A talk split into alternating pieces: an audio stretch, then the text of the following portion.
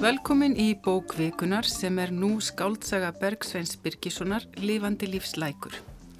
Bergsvein er með doktorsprófi Norrænum fræðum og hefur skrifað bæði fræðiritt og skáldskap. Fyrsta bókans var ljóðabókin Íslendingurinn sem kom út árið 1992. Fyrsta skáldsagans var Landslag er aldrei asnalegt og fyrir hana var hann tilnendur til Íslensku bókmyndaverlunana árið 2003. Hann var einnig tilnendur til þeirra verluna og bókmyndaverluna Norðurlandaráðs fyrir skáldsöguna Svar við brefi Helgu sem kom út árið 2010.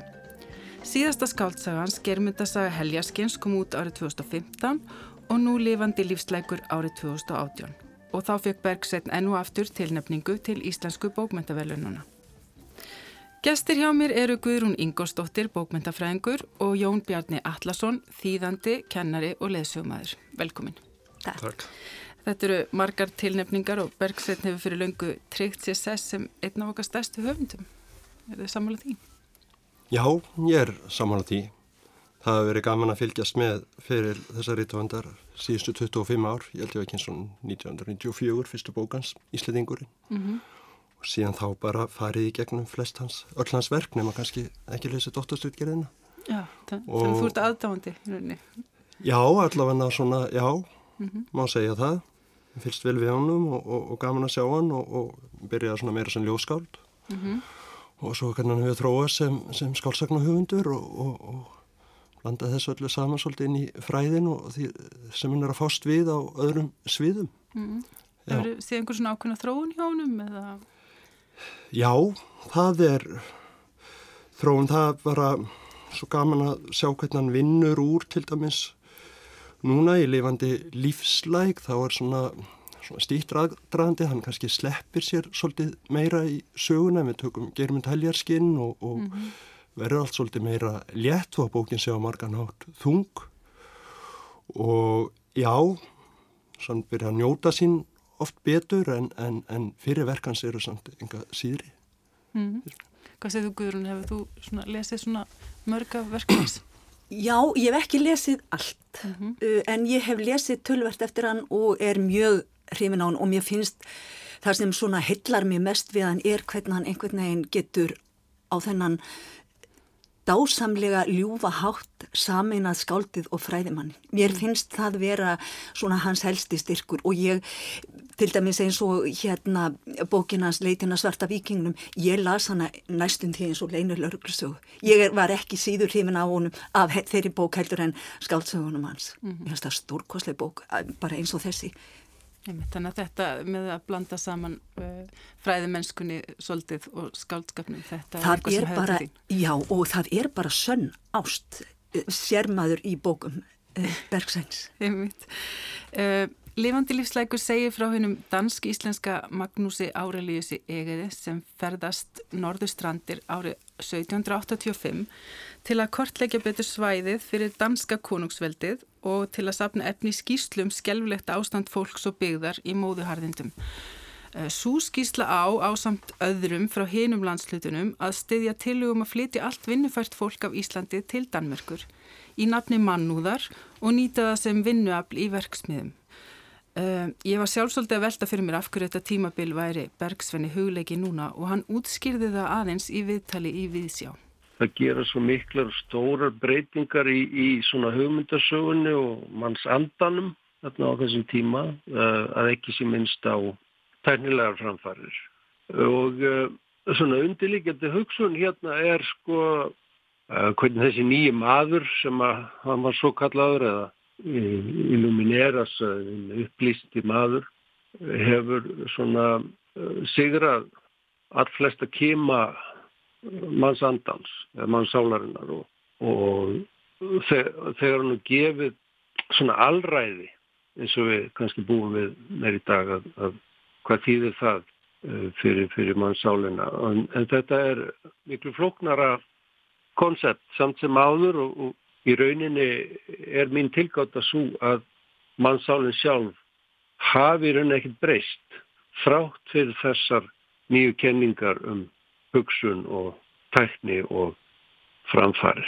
Mér finnast sko alla svona katastrófur og hörmungar mjög aðtiklisverða vegna þess að það er oft þar sem að tilvistin verður afklætt og nakin og maður sér svolítið meira hvað lífið virkilega að snýst um.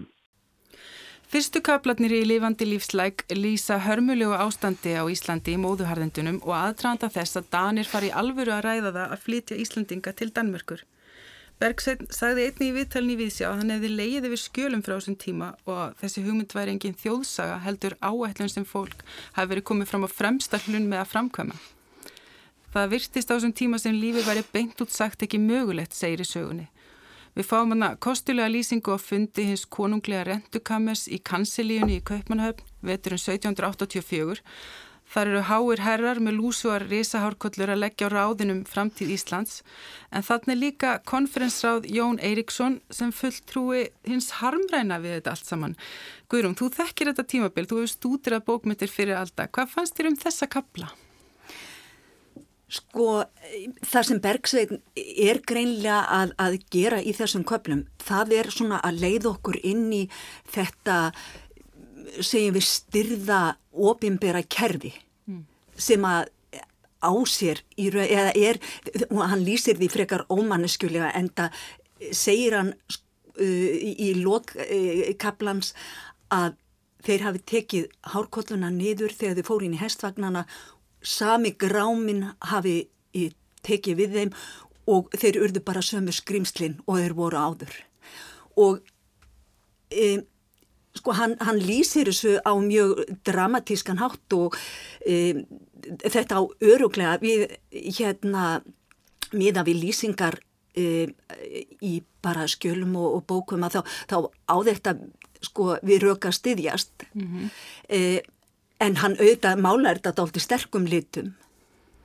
En það sem ég fannst kannski hann, hann er auðvitað hann, það sem hann ætlar sér er að maður byrjar á því hann, er, hann, hann, not, hann kryttar stílin með kanseli stíl sem að, að var náttúrulega fyrst og fremst e, e, maður sér hann fyrst og fremst á, á brefum og skjölum e, sko, ja, ofinberum brefum og skjölum og maður sér þetta líka til dæmis í, í, í stagaríti frá Magnúsi Stefensen þetta er frekar svona knosaður stíl þetta er dálta eins og lendi í þúpnagangi og sko fyrst þegar ég las bókina þá fannst mér þetta ofubóstlega pyrrandi og ég, þá var ég fyrst og fremst að hugsa um eh, þennan venjulega lesanda að þetta myndi eh, talma svo lestrinum. Og það gerir það öruglega.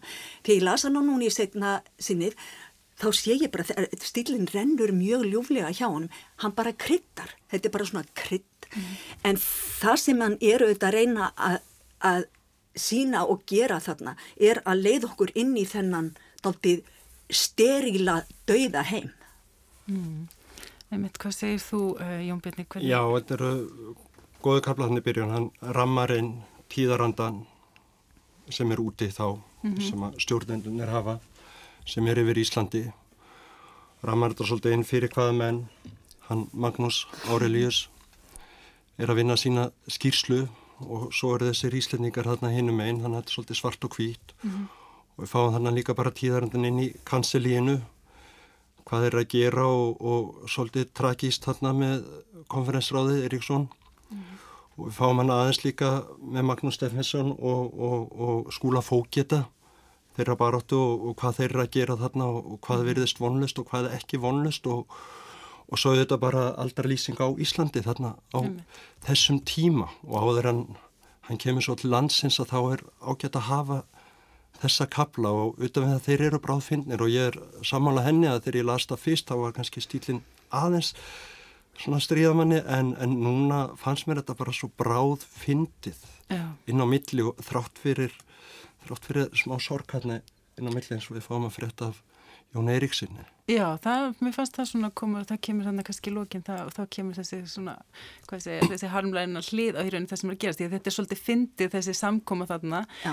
en hann er svona þessi þunglindi maður sem búin að vera að berjast gegn kerfinu alltaf tíman. Og sem að var náttúrulega bara raunin því að Jón endaði í síkinu og, og menn bara það er talað um að hann hafi verið þungsinnaður og, og þetta, þetta var ekkert grín að glíma við danska kerfið. Það, það e, bara virðist allt benda til þess að, að auðvitað náðu Íslendingar ímsu fram en það var samt. Þetta það var oft var þungur, róðunum var oft þungur. Já, einmitt. Um, Það sem að Bergson er að gera með tungumáli hérna þetta með að þetta er svona mjög dönsku skotið og latinu skotið, það myndi mér svolítið á sem Ófegur Sigursson gerir í skáltsunni Jón líka, hann er líka að leika sér þar með átjöndu aldastíl. Uh, hann gefur sér líka svona frjálsar hendur með úrvinnsluna, hann gerir eiginlega að sínu og mér dætt líka hug, ég var að hlusta á Haldur Lagsnes lesa greinin á höfundurinn á verkans þar á hljómplötu með leikgerð af Íslandsklökunni og þá segir Lagsnes uh, að mál sem að tekur eftir öðrum hversu rétt sem það er fagurt og lifandi á gömlum bókum, bókum annara manna verður aldrei rétt málni fagurt og allra síst lifandi nema að endurfæðist í hennu nýja verki, höfundurinn gæða nýju lífi með annari spennu og mér finnst svona að þetta takast svolítið vel hjá Bergssoni, hvað finnst ykkur svona um þetta, hvernig notar þetta? Þú talar aðeins um þetta, notar þetta sem krydd? Já, ég, sko, ég verða að viðkjöna það að mér fannst þetta ekki vel hefnað í fyrstu mm atriðinu. Og notabini, nú er ég vunn að lesa Magnús Steffensen og skjöl og bref eh, frá svona að, með þessum ennþá styrðari kanseli stíl og mér fannst þetta en ég, ég held að ástæðan í upphafi hafi verið svo að ég var alltaf að hugsa um eh, annan lesanda en sjálfa mig. Einhvern -hmm. sem að ætti þetta myndi bara sko vera eins og ákveðinar girðingar. Mm. en svo í, núni í segni atrönni þá er þá, þessi stíl, sko, stílinn hjá honum inn á milli rennur bara eins og mm. lifandis lífslækur eh, mm. og, og þetta er fyrst og fremst krydd en, en eins og ég sagði á þann auðvita eh, hamlar þetta lestri öruglega einhverja. Mm. Já, þetta er, veit nú ekki hvað þessi orða smíhjáðan en, en það eru bráð skemmtilega orð þarna inn á milli sem við annar lestur vissulega er skemmtilega að lesa við mm rannsaks og Nei, þetta eru alltaf, þetta eru orð. Já, og allt sem hann hefur fundið þarna. Já, það er margt af þessu er að finna hann í heimildum. Og svo líka í venjulega málunu þar sem hann, uh, þar sem hann breytir oft orðalagi orðana, svolítið eins og lagsni sjálfur. Mm. Skrifar eins og það er sagt og, og fleira og gefur sér þetta frjálsræði mm. og svo mingar þetta þegar það líður á söguna. Á blasið 69. Svo er í brefunum er auðvitað mjög sérstækt. Brefin eru náttúrulega hljóta upprunalega að vera skrifuð á dönsku í bókinu og þar er þetta svolítið í mótsögn við vissi því að ef við erum að lesa brefin á íslensku þá hljóta þau að hafa verið þýtt, þýtt úr dönsku, svo að segja. Sko ég er ekkert við... Þetta er sko, hálfur íslendingur. Já, en er, sko ertu þá að meina að hann hafi verið, sko að þetta séu raunveruleg bref? Nei, nei, já, nei, ég ætla að meina nei. það. Þetta eru algjörlega skáldu bref og standa gjörsanlega fyrir sínu og já. eru mjög góð þarna og vega móti, upp á móti hinnu sögumanninum, eru mjög mikilvæg fyrir þessa sögumenn sem eru þarna bakvið, mm -hmm. en bara hugsunin á bakvið já, það. Já, mm -hmm. Bara hugsunin að þarna eru komið þetta kanslísletta íslensk mál, en brefin eru þetta sjálfsögðu hljóta hafa verið hjá þessu fólki skrifa á dönsku. Já, þó að já, þessi bref sé ekki til. og maður sé meiri kannski dönsk áhrif hann er að skrifa til sína yfirmanna í kansilíunu þannig að þannig að svo er þetta tekið yfir þessa fyndnu íslensku sem er mjög skemmtilega það sem ég, ég verð bara að, að því mér fannst þetta svo ótrúlega uh, heillandi að hvernig hann notar brefin í fyrsta brefinu þá sko brefin eru öll þannig að þau eru römmuð inn með bókanhútum. Ofsalega fallega um nýtingi og sem eru svona eins og hjarta. Mm líka. Og þetta eru, það er engin ást í upphafi vega hjá Magnúsi Árilísi og þetta eru eins og lítil ástarbref til Levitovs. Og þessi, mér fannst þessi bókanhútar svona, gefa það svolítið, þetta er ástarbref vísindamannsins, hann er að skrifa sín vísindi. Mm og það sem er svolítið komist í brefin hvernig Bergsveit notar þetta hann byrjar mjög hástendum lýsingum ofsalega vísindarlega mm -hmm. í næsta brefi þá er hann ekki alveg eins vísindarlegur og í þriðja brefinu þá segir hann meir, hann á hans og kam og hann segir mon frère við Levitov uh, bróðir minn, kattar hann bróður og hann þá allt í innu fyrir hann að líka efastum, svona, hann, hann er ekki alveg viss um tilgangin með ferðinni og hvort að niðurstaðan sé endilega uh, svo vís. Og líka eitt þá segir hann að það er ýmislegt sem að vísindin get ekki skýrt en hýttir svo við ekki enn, en þarna sér maður hvernig svona smátt og smátt er farið að grafa undan vísindamanninum í þessum bref. Mm. Þannig að brefin eru svolítið svona eins og tækin sem hann hefur með sig. Já, nákvæmlega. Látúnið og gilt Já. og fínpúsuð í fallegum öskum og allt svo flott og, og svo verðaðu snjáðar og snjáðari eftir Já. því sem og, lengra dregur norður. Og Bergsveit notar þau eiginlega til að sína sko hvernig það vatnar alltaf meir og meir eða, svona, eða, eða það er að segja að það grefur einhvern veginn undan honum. Mm. Það var nú eitt sem er mitt í mér uh, þegar ég var að lesa lífandi lífslæk þá fór ég svolítið að hugsa um kristnihald undir jökli þannig með umbósmann uh, svona yfirvalda sem ferðast vestur og, og ferðar að takast á við þetta sérkynla fólk, þetta sérkynla landslag og einmitt lendir í svona svolítum átökum við að gefa skýrsluna tilbaka þannig að ég hugsaði svona, fekk þessi hugrinningatengsl sjálf En uh, Magnús Árelíus, hann er náttúrulega fulltrúi vísinda, upplýsingar, en hann þarf að horfast svolítið í augu við aðra hlið og sjálfustýr eins og þú segir. En hann uh, þarf að horfast líka í augu við uh, svona skigni sína og hann er líka tilfinninganæmari en kannski hann vill í rauninni vera sem vísindamæður. Ja. Og mér fannst líka svolítið, það mér fannst mjög hlægilegt en líka mjög átakalegt þegar að draugar fara sérstaklega að laðast að honum þessum vísindamanni. Og uh, svona, hann þarf að læra ímislegt af þeim. En uh, í bókinu þá fáum við um þetta að heyra, við fáum uh, að bara heyra hans fyrstu personu rödd í rauninni gegnum þessar skýslur hans til Danmörkur um, það sem hann er að setja upp andlit vísindamannsins eins og segir, svona aðeins gríman fer síðan aðeins að falla. En svo, hann rýtskoða svolítið það sem stennst ekki ljós raukökinar og, og þá fáum við náttúrulega mótið þessa rött sögumannsins uh, sem að sér sig knúin til að fylla í eigður þessara stuttarlegu brefa eins og hann segir og hann segir að það sé gert til að sagan sé ekki vannskapningur án haus og hala. Skulum kannski heyra aðeins í þessum sögumanni sem kemur uh, og vill fyll upp í eigðunar. Ekki höfum við nokkra kníjandi þörf fyrir að gaggrína frásögn hins gjörhugula vísindamanns. Við ættum miklu frekar að vera þakklátt fyrir þetta friska gestsauga sem komið hefur hingað til okkar.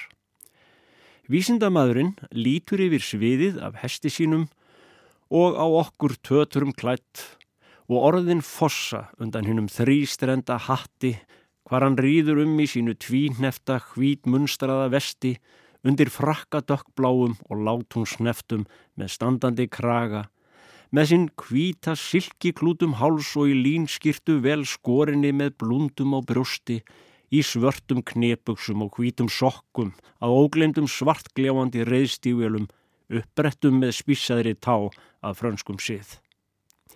Hann er, eins og Íslendingar segja um glæsilegt fólk, ekki ómyndarlegur. Hann er með breið kinnbein og kröftugt nef, ennisbjartur er hann og karlmannlegur um gljáandi hökuna, vísinda augun svört eins og í svöngu dýri. Hann veit um valdsitt og alvöru síns verkefnis. Lítum heldur á það sem vilja til að fylla út í nokkrar eigður í stuttaralegri frásögn. Já, köllum okkar orð smávægilega uppfyllingu. Um leið viljum við ekki með öllu líta fram hjá vissum anmörkum í skýslubrefum vísindamanns sem við fyrstu sín mætti máski skilja sem hlutlausa raust hins svo kallaða veruleika. Því á þessum dögum var rött hins skynsama manns í nánara sambandi við veruleikan en reyndist síðar meir. Hér las Leifur Haugsson upp úr lifandi lífslæk Bergsveins Birgissonar. Guðrún og Jón Bjarni, þetta er svolítið skemmtileg sögumansröð finnst mér og, og, og hérna þessum sögumanni finnst ekki alltaf mikið til Magnúsar Álíðisar koma. Nei, en þetta er svolítið mótsögn í þessu þarna. Til að byrja með þá talaður um að síðar meir munan verða ennþá rugglaðari mm. sem er ekki alveg rétt hjá þessu sögumunum því að þetta eru auðvitað viss þróskasaga. Mm -hmm á sinna hátt Já.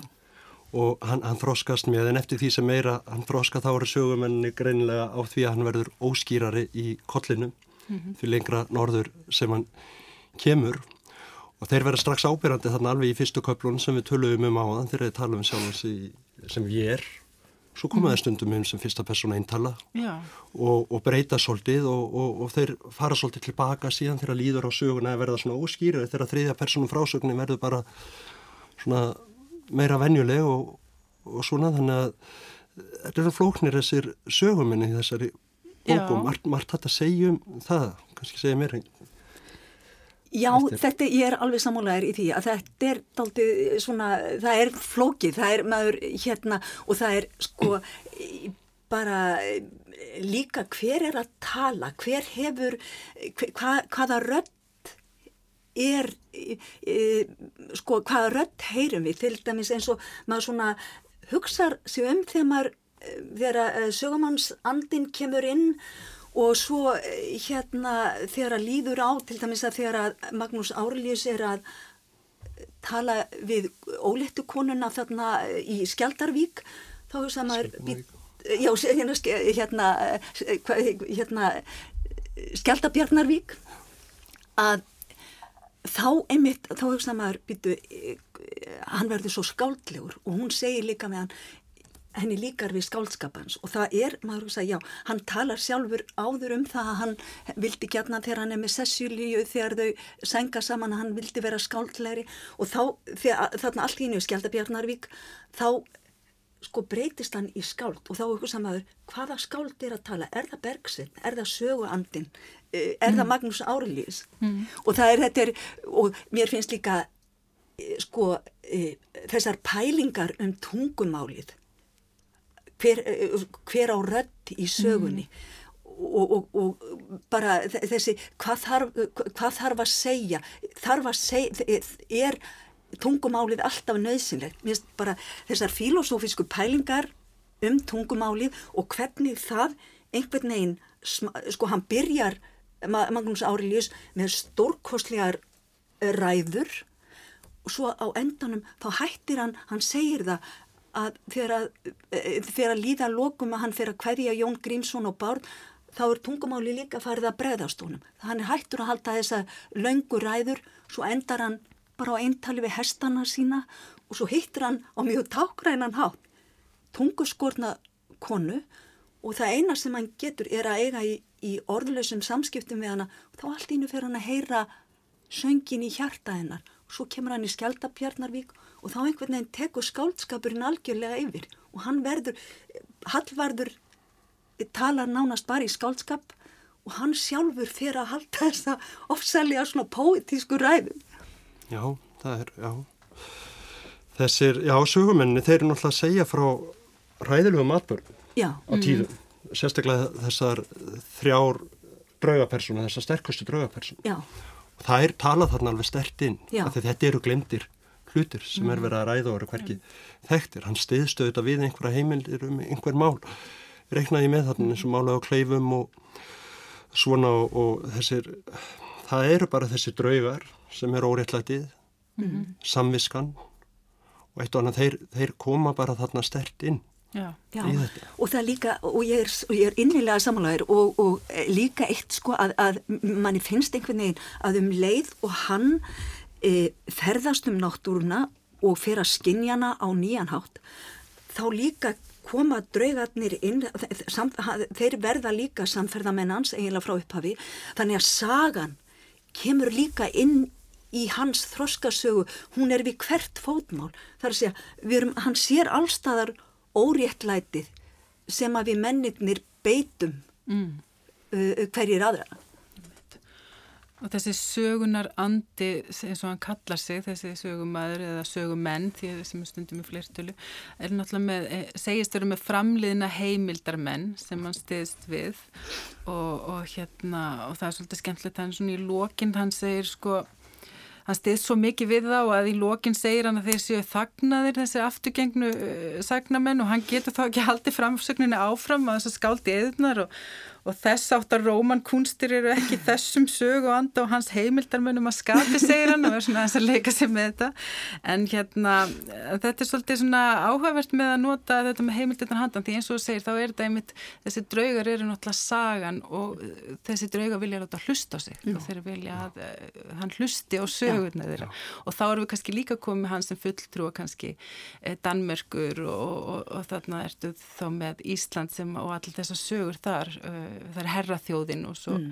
nýlendan sem vil kannski hérna að það sé hlusta á það sem er að gerast þar þannig að þú ert komið svo marga vinkla í rauninni á uh, þessar sögurættir Já, og sækja kannski í þessa persóna því hún er auðvitað örlítið veik fyrir, er, mm. móður hans er íslenska vísun og hann er samt algjör dani mm. en hann hefur ekki átt einfalda æsku Nei. það kemur alveg upp inn á milli og þannig að þeir sækja svolítið í þessa viðkvæmni lítur að vera sem er hjá þessum manni sem er líka sjálfur að gera upp sína fortíð og einhvern nátt inn á milli í bókinni. Mm. Það kannski gefið smá í skinn þá með hann á íslenska móður og hann er skikna, hann er svona einmitt eins og segir alltaf veikari fyrir, það er eitthvað svona íslensk díunum sem að gera hann opnari kannski fyrir þessum draugagangi öllum. Já, Já sagan verður líka bara hluti, sko, það, það, það má ekki gleyma því kannski að þegar hann kemur sem þessi stífi vísinda og ennbættismadur að sko hann það er talað um það reyndara að í bætna sko hafa hann sé alls konar fólk en, en svo sér maður það líka að sagan er býr innra með honum.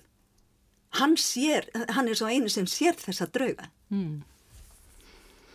Ég veit Og þarna eins og þú talar um, þarna eh, er í rauninni stílin að verða miklu svona eðlilegri okkar tímamæli hverða. Þú sagði blæsið 69, ég held að sé bara eiginlega um það bíl það sem við vorum að hlusta þegar, þegar, þegar hann fer að, þá er eins og þessi sögumæður sé orðin svona meiri kannski svo fulltrúi allþíðunar á Íslandi, eh, getur við kannski sagt það, það verður einhvers konar breyting í stílum, því það er þróun í stílunum í bókinni. Já, af því sko, þá, þá er hann komin, sko hann er komin út úr þessu uh, formlega danska uh, uh, valdakerfi mm -hmm. og komin bara í íslenskan veruleika og þá auðvitað uh, tekur stílinn við af því. Tekur stílinn við eins og að klæðnaðinum og, Já, og tækjunum og, og það kom inn svona önnur bókmynda áhrif og þarna fara svona á húsafelli og Hallgrími Pétur svona bætast inn í Já. og mm -hmm tærðir menn og bleikar konur þegar það gangi við trekilliseiði það kom svolítið annað mál já, þarna inn Já, algjörlega já. Mm. Um, Kanski förum aðeins í lýsingarnar uh, af staðháttum og ferðalagi Magnúsur Áli uh, verksetnum er sagt að hann þekki vel vestfyrði og hvað miklu þið þekkið, þú er svona leiðsögumar þannig að þú þekkir þetta svæði líka mjög vel? Ekki allt svæðið en ég þekki hlutaði mjög vel eins og Bjarnafjörðin og, og Selströndina og, og svæðið í kringu en þar sem að Bergsveit kemur inn í söguna skált fýblið sem er akkurat miðja bók. Detti í gjá og allt þetta sem er svo í lokin sem hann er með í huganum þegar hann er að þræða heiðina á hestunum að hann lendir í klóm Bjardýrsins og klúka þar sem að þetta heilaga vatnir sem rennur í söðausturlind og lifandi lífslækur við Horbjarg hann eitthvað stöður. Eh, það svæði, já þetta er merkilegt svæði og þetta er þetta guðrótt svæði þarna býr svanur í, í njálsugu og, og, og býr til þókunna og, og allt þetta og þetta er mjög afskekt. Mm -hmm maður fær mjög goða tilfinningur enn fyrir svæðinu, nú er þetta ekki ég það ekki að vel en maður upplifir þetta svolítið vel. Hann, eh, gegnum lýsingarna sérstaklega hvernig hann er að reyna að rata um svæðið. Já, gaman að sjá sko, hann er, Magnús er svona svolítið eins og túristi sem að mælir sentimetra á landakorti og hann og vill bara svo lappa áfram en Jóni lístu þetta ekkit á þetta. Þessa króka sem hann er að fara til dæmis út á Bjarnarnes. Mm. Og, og það er auðvitað skemmtilegt að lesa það þegar maður þekkir þessa leiðir og, og eru ófærar á margan hát og þannig er mikið að klettum og, og mjög vorlend þarna inn í jarnahörðinum og svo er að selströnd nýjátt að drángsnesi og e, Bergsveitn er þarna mikið, þeir eru látið reysa listaverk þarna fyrir golfströmmin til heiðus golfströmsins og þetta, þetta er alltaf gera svolítið þarna í kring mm -hmm. og þetta er svolítið skemmtilegt að vita það og mér finnst líka bara mjög verkilegt hvernig hann síðan uh, setur sjálfa sig inn í söguna mm -hmm. í þessu landslæði. Svo verður þetta, þetta allt miklu óbyggðara, svo heldur þetta áfram yfir í Reykjarfjörð og þar er nú ennþá svolítið, ekki núna en þar var samfélag og vegurinn endar svo eitthvað staðar hann inn í Ingólfsfjörði, mm -hmm. ófíksfjörð og þar heldur þetta segja áfram að draungum og, og svo lengst út á horn og það svæði þekki ég ekkert, það er mm -hmm. bara þannig leiðina sem að Cecilia vaknar eftir, nei, sem hún gengur eftir vatninu sko. Mm, ja. Það fyrir alltaf lengra og lengra. Mm -hmm. Hvernig fannst þér, Guðrún, þessar lýsingar þú þekkist það líka aðeins? Já, ég þekki það ekki. Ég get eiginlega allast, ég ferðast þarna um e, að mig minnir einu sinni, hugsanlega hef ég komið aðna tvissar og þetta er magnað svæði. Ég held að ég hafi, er ekki, endar ekki sko vegurinn í ófygs fyrir því. Jú, það er svona það að fara, já, jú, ég, engolsfjörð og já, svo kemur ófygs fyrir því. Já, já, og ég, ég, hef, ég hef ekki komið lengra heldur. En maður langar eiginlega að fara já, þegar maður lest. Já, algjörlega og þetta er, þetta er ótrúlega uh, magnað og það er líka það sem er Bergsveit notfæri sér sko að e, frásagnir frá þessu svæði meiri sér fyrr til dæmis eins og hann e, styrst til dæmis e, lýsingin á Hallvarði. Hún alveg rýmar við e, e, lýsinguna á Hallvarði í þætti um Snorra húsafelli Hallvarð og, og, og Hallföður hans í sem að Gísli Konráðsson e, skrifaði og svo er náttúrulega fullt af þjóðsögum líka um Hallvarð.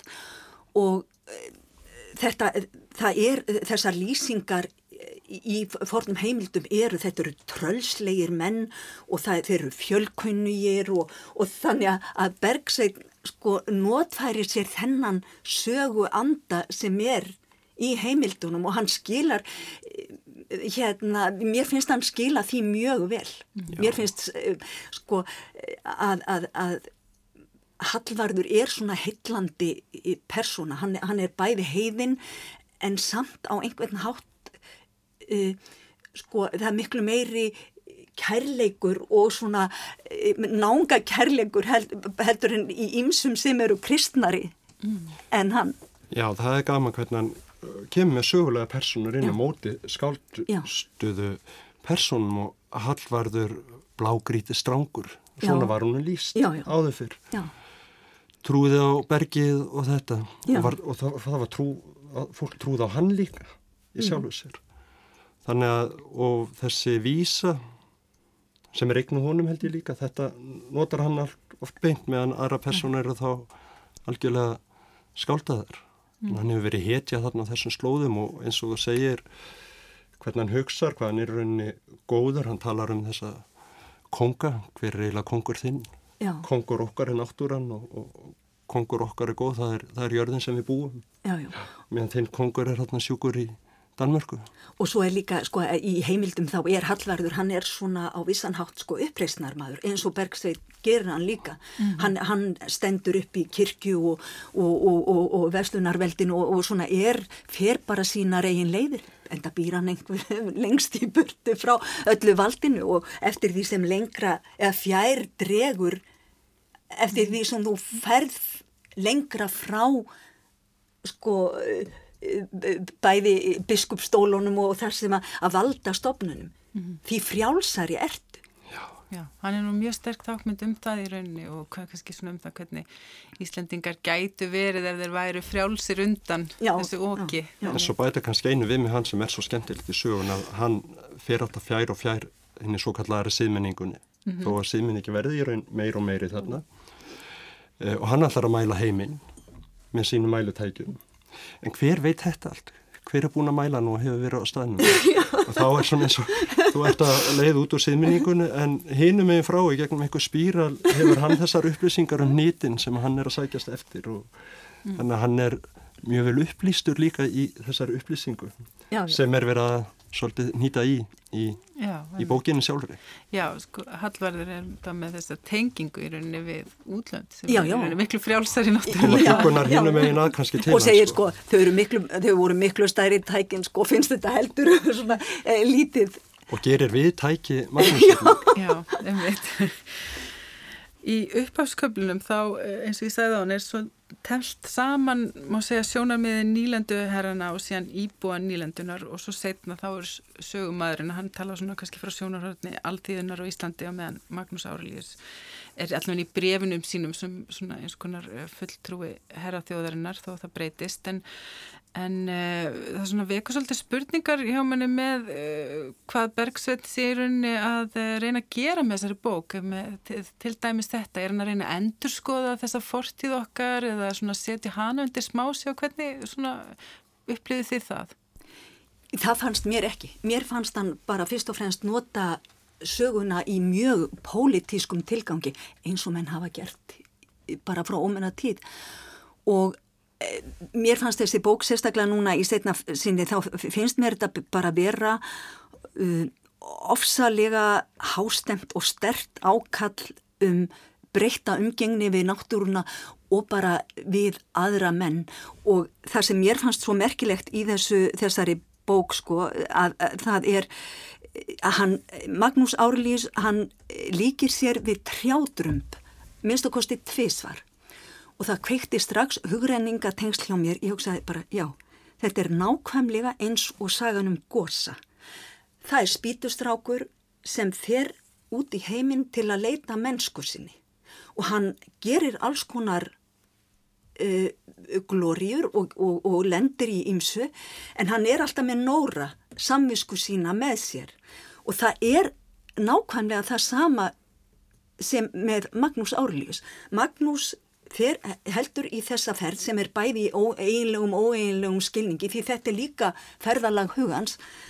Og hann byrjar sem þessi spítukall, þessi vísindalegi spítukall og bæði Jón Grímsson og Bárður þeir, þegar hann er búin að e, e, liggja þessa konu, hann, hann í raun, þau vita bæði, þessi ónapgreinda kona, þau vita bæði að þetta er bara viðskiptarsamningur, hún er bara að reyna að bjarga sér og hann nýti sér neyðinar og þá e, bara strax á eftir þá stilla þeir upp e, þessum saminsku spurningum, þessum siðferðilugu spurningum mm.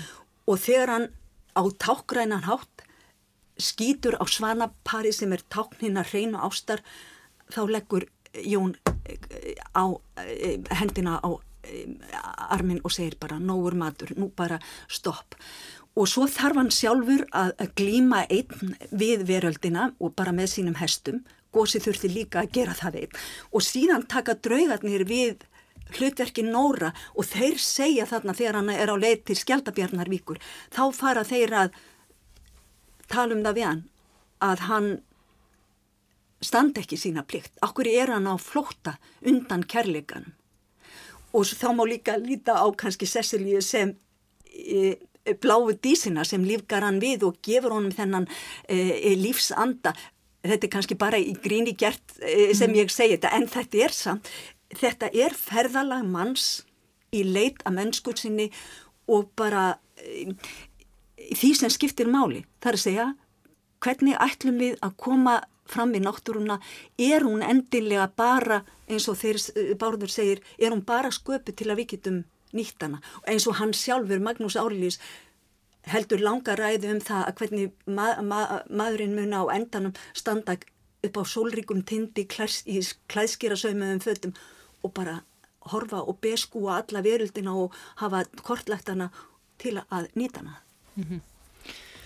Hvað segir þú, Jón Björni? Já, það er uh, hann notar þessa öll svolítið, hún er bara tæki sem hann notar í sinni frásög sem er svolítið að fjalla um stórumálinn. Mm -hmm. eins og hún segir líka hvert sjálfstæði og stolti og reysn og öllu þessu en, en svo bara máli svo kærleikur og, og fleira og þetta með áltirnar, þetta er óbúslega grimmur en um leið fallegur staður í bókinni og mjög sorglögt auðvitað og, og ræðileg lýsing þarna á þessu áltarpari og þær leita síðan til hans í draumi síðar þegar hún breytist í ált og mhm. Sesselja. Og hann tekur upp vopnið. Þarna erum við kannski líka komið svolítið með letu svanslíkið, erotíkina. Það er þetta mikil erotíki gangi líka í kringum Sesselju. hann segir hún sér svanur en Svanurinn og, og, og þetta er gammalt tákt þannig frá þessum tíma og svo er hann svo upphefur ástina líka ástin er þarna mjög sterk en yfirgefur hana mm -hmm. og gerir það líkt á nafni sinn Markus Áralíus sem hann heitir eftir og skrifaði hugleðingar mm -hmm. hvað kom hann mótt á óvart hver auðvelt væri komast yfir ást og ást Já. sem hann verið þess að gera og það er líka þessi nöfn sem að byrja þessi talandi nöfn. Já. og ég veit ekki hvort að það sé meint í bókin en í fyrsta skipti sem að maðurinn er nefndur þá er nafni hans skrifa með AU mm. og síðan kemur Markus Aurelius sjálfur fram í bókin en, en svo er talað með á þannig að þetta eru sérstaklega þegar líður á verki og hann er komið þann inn í dalina og staðina og svona, þá er þetta svona stórar spurningar sem að, og, og móðuharðindi gleymast svolítið. Já, Þau eru mér- bara já. komið svolítið í burtu. Já, mér finnst þetta bara Þau eru vera- bara já. svolítið, þó að séu þarna til staðar þá, þá er það ekki lengur umfjörnunar. Nei og það bara, þetta er mér eins og mér, sko hann bara kallaði á mig bara, bara að vakna umgengni við náttúruna, við mannin og það er svo flott líka hvernig hann lætur Magnús Árlíus bara samlagast landinu, hann verður jafn drullugur og bara fær sama lit og landið. En það er svo kunstugt þegar að Cecily er búin að þvó fötin hans og það verður að glitta í blátt og hvít þá er ekki langt niður á vísindamannin, þá byrjar hann aftur að skoða og fer yfir í Skjaldabjarnavík. Einmitt, við þurfum að, að ljúka umfyllinu núna en við höfum reyndar ekki talað um að það er náttúrulega eh, er í lokin verður svona eh, ákveðin vending og sögutræði sem að mör- mörgum finnst mjög skemmtileg og má eiginlega alls ekki tala um til að skemmi ekki fyrir, fyrir eh, lesendum en við látum þetta núna vera lokaorðin í okkar umfyllinu um bókvikunar Lífandi lífslæk eftir Bergsen Birgisson, Guðrún Ingórsdóttir og Jón Bjarni Atlasson. Takk fyrir gott spjall. Hlustendum vil ég benda á að þeir geta komið spurningar og aðtjóðasemtur um verkið inn á Facebook síðu þáttarins og þannig tekið þátt í umræðinum. Við minnum einni á heimasíðu þáttarins rú.is skástrík bókvikunar. Verið sæl.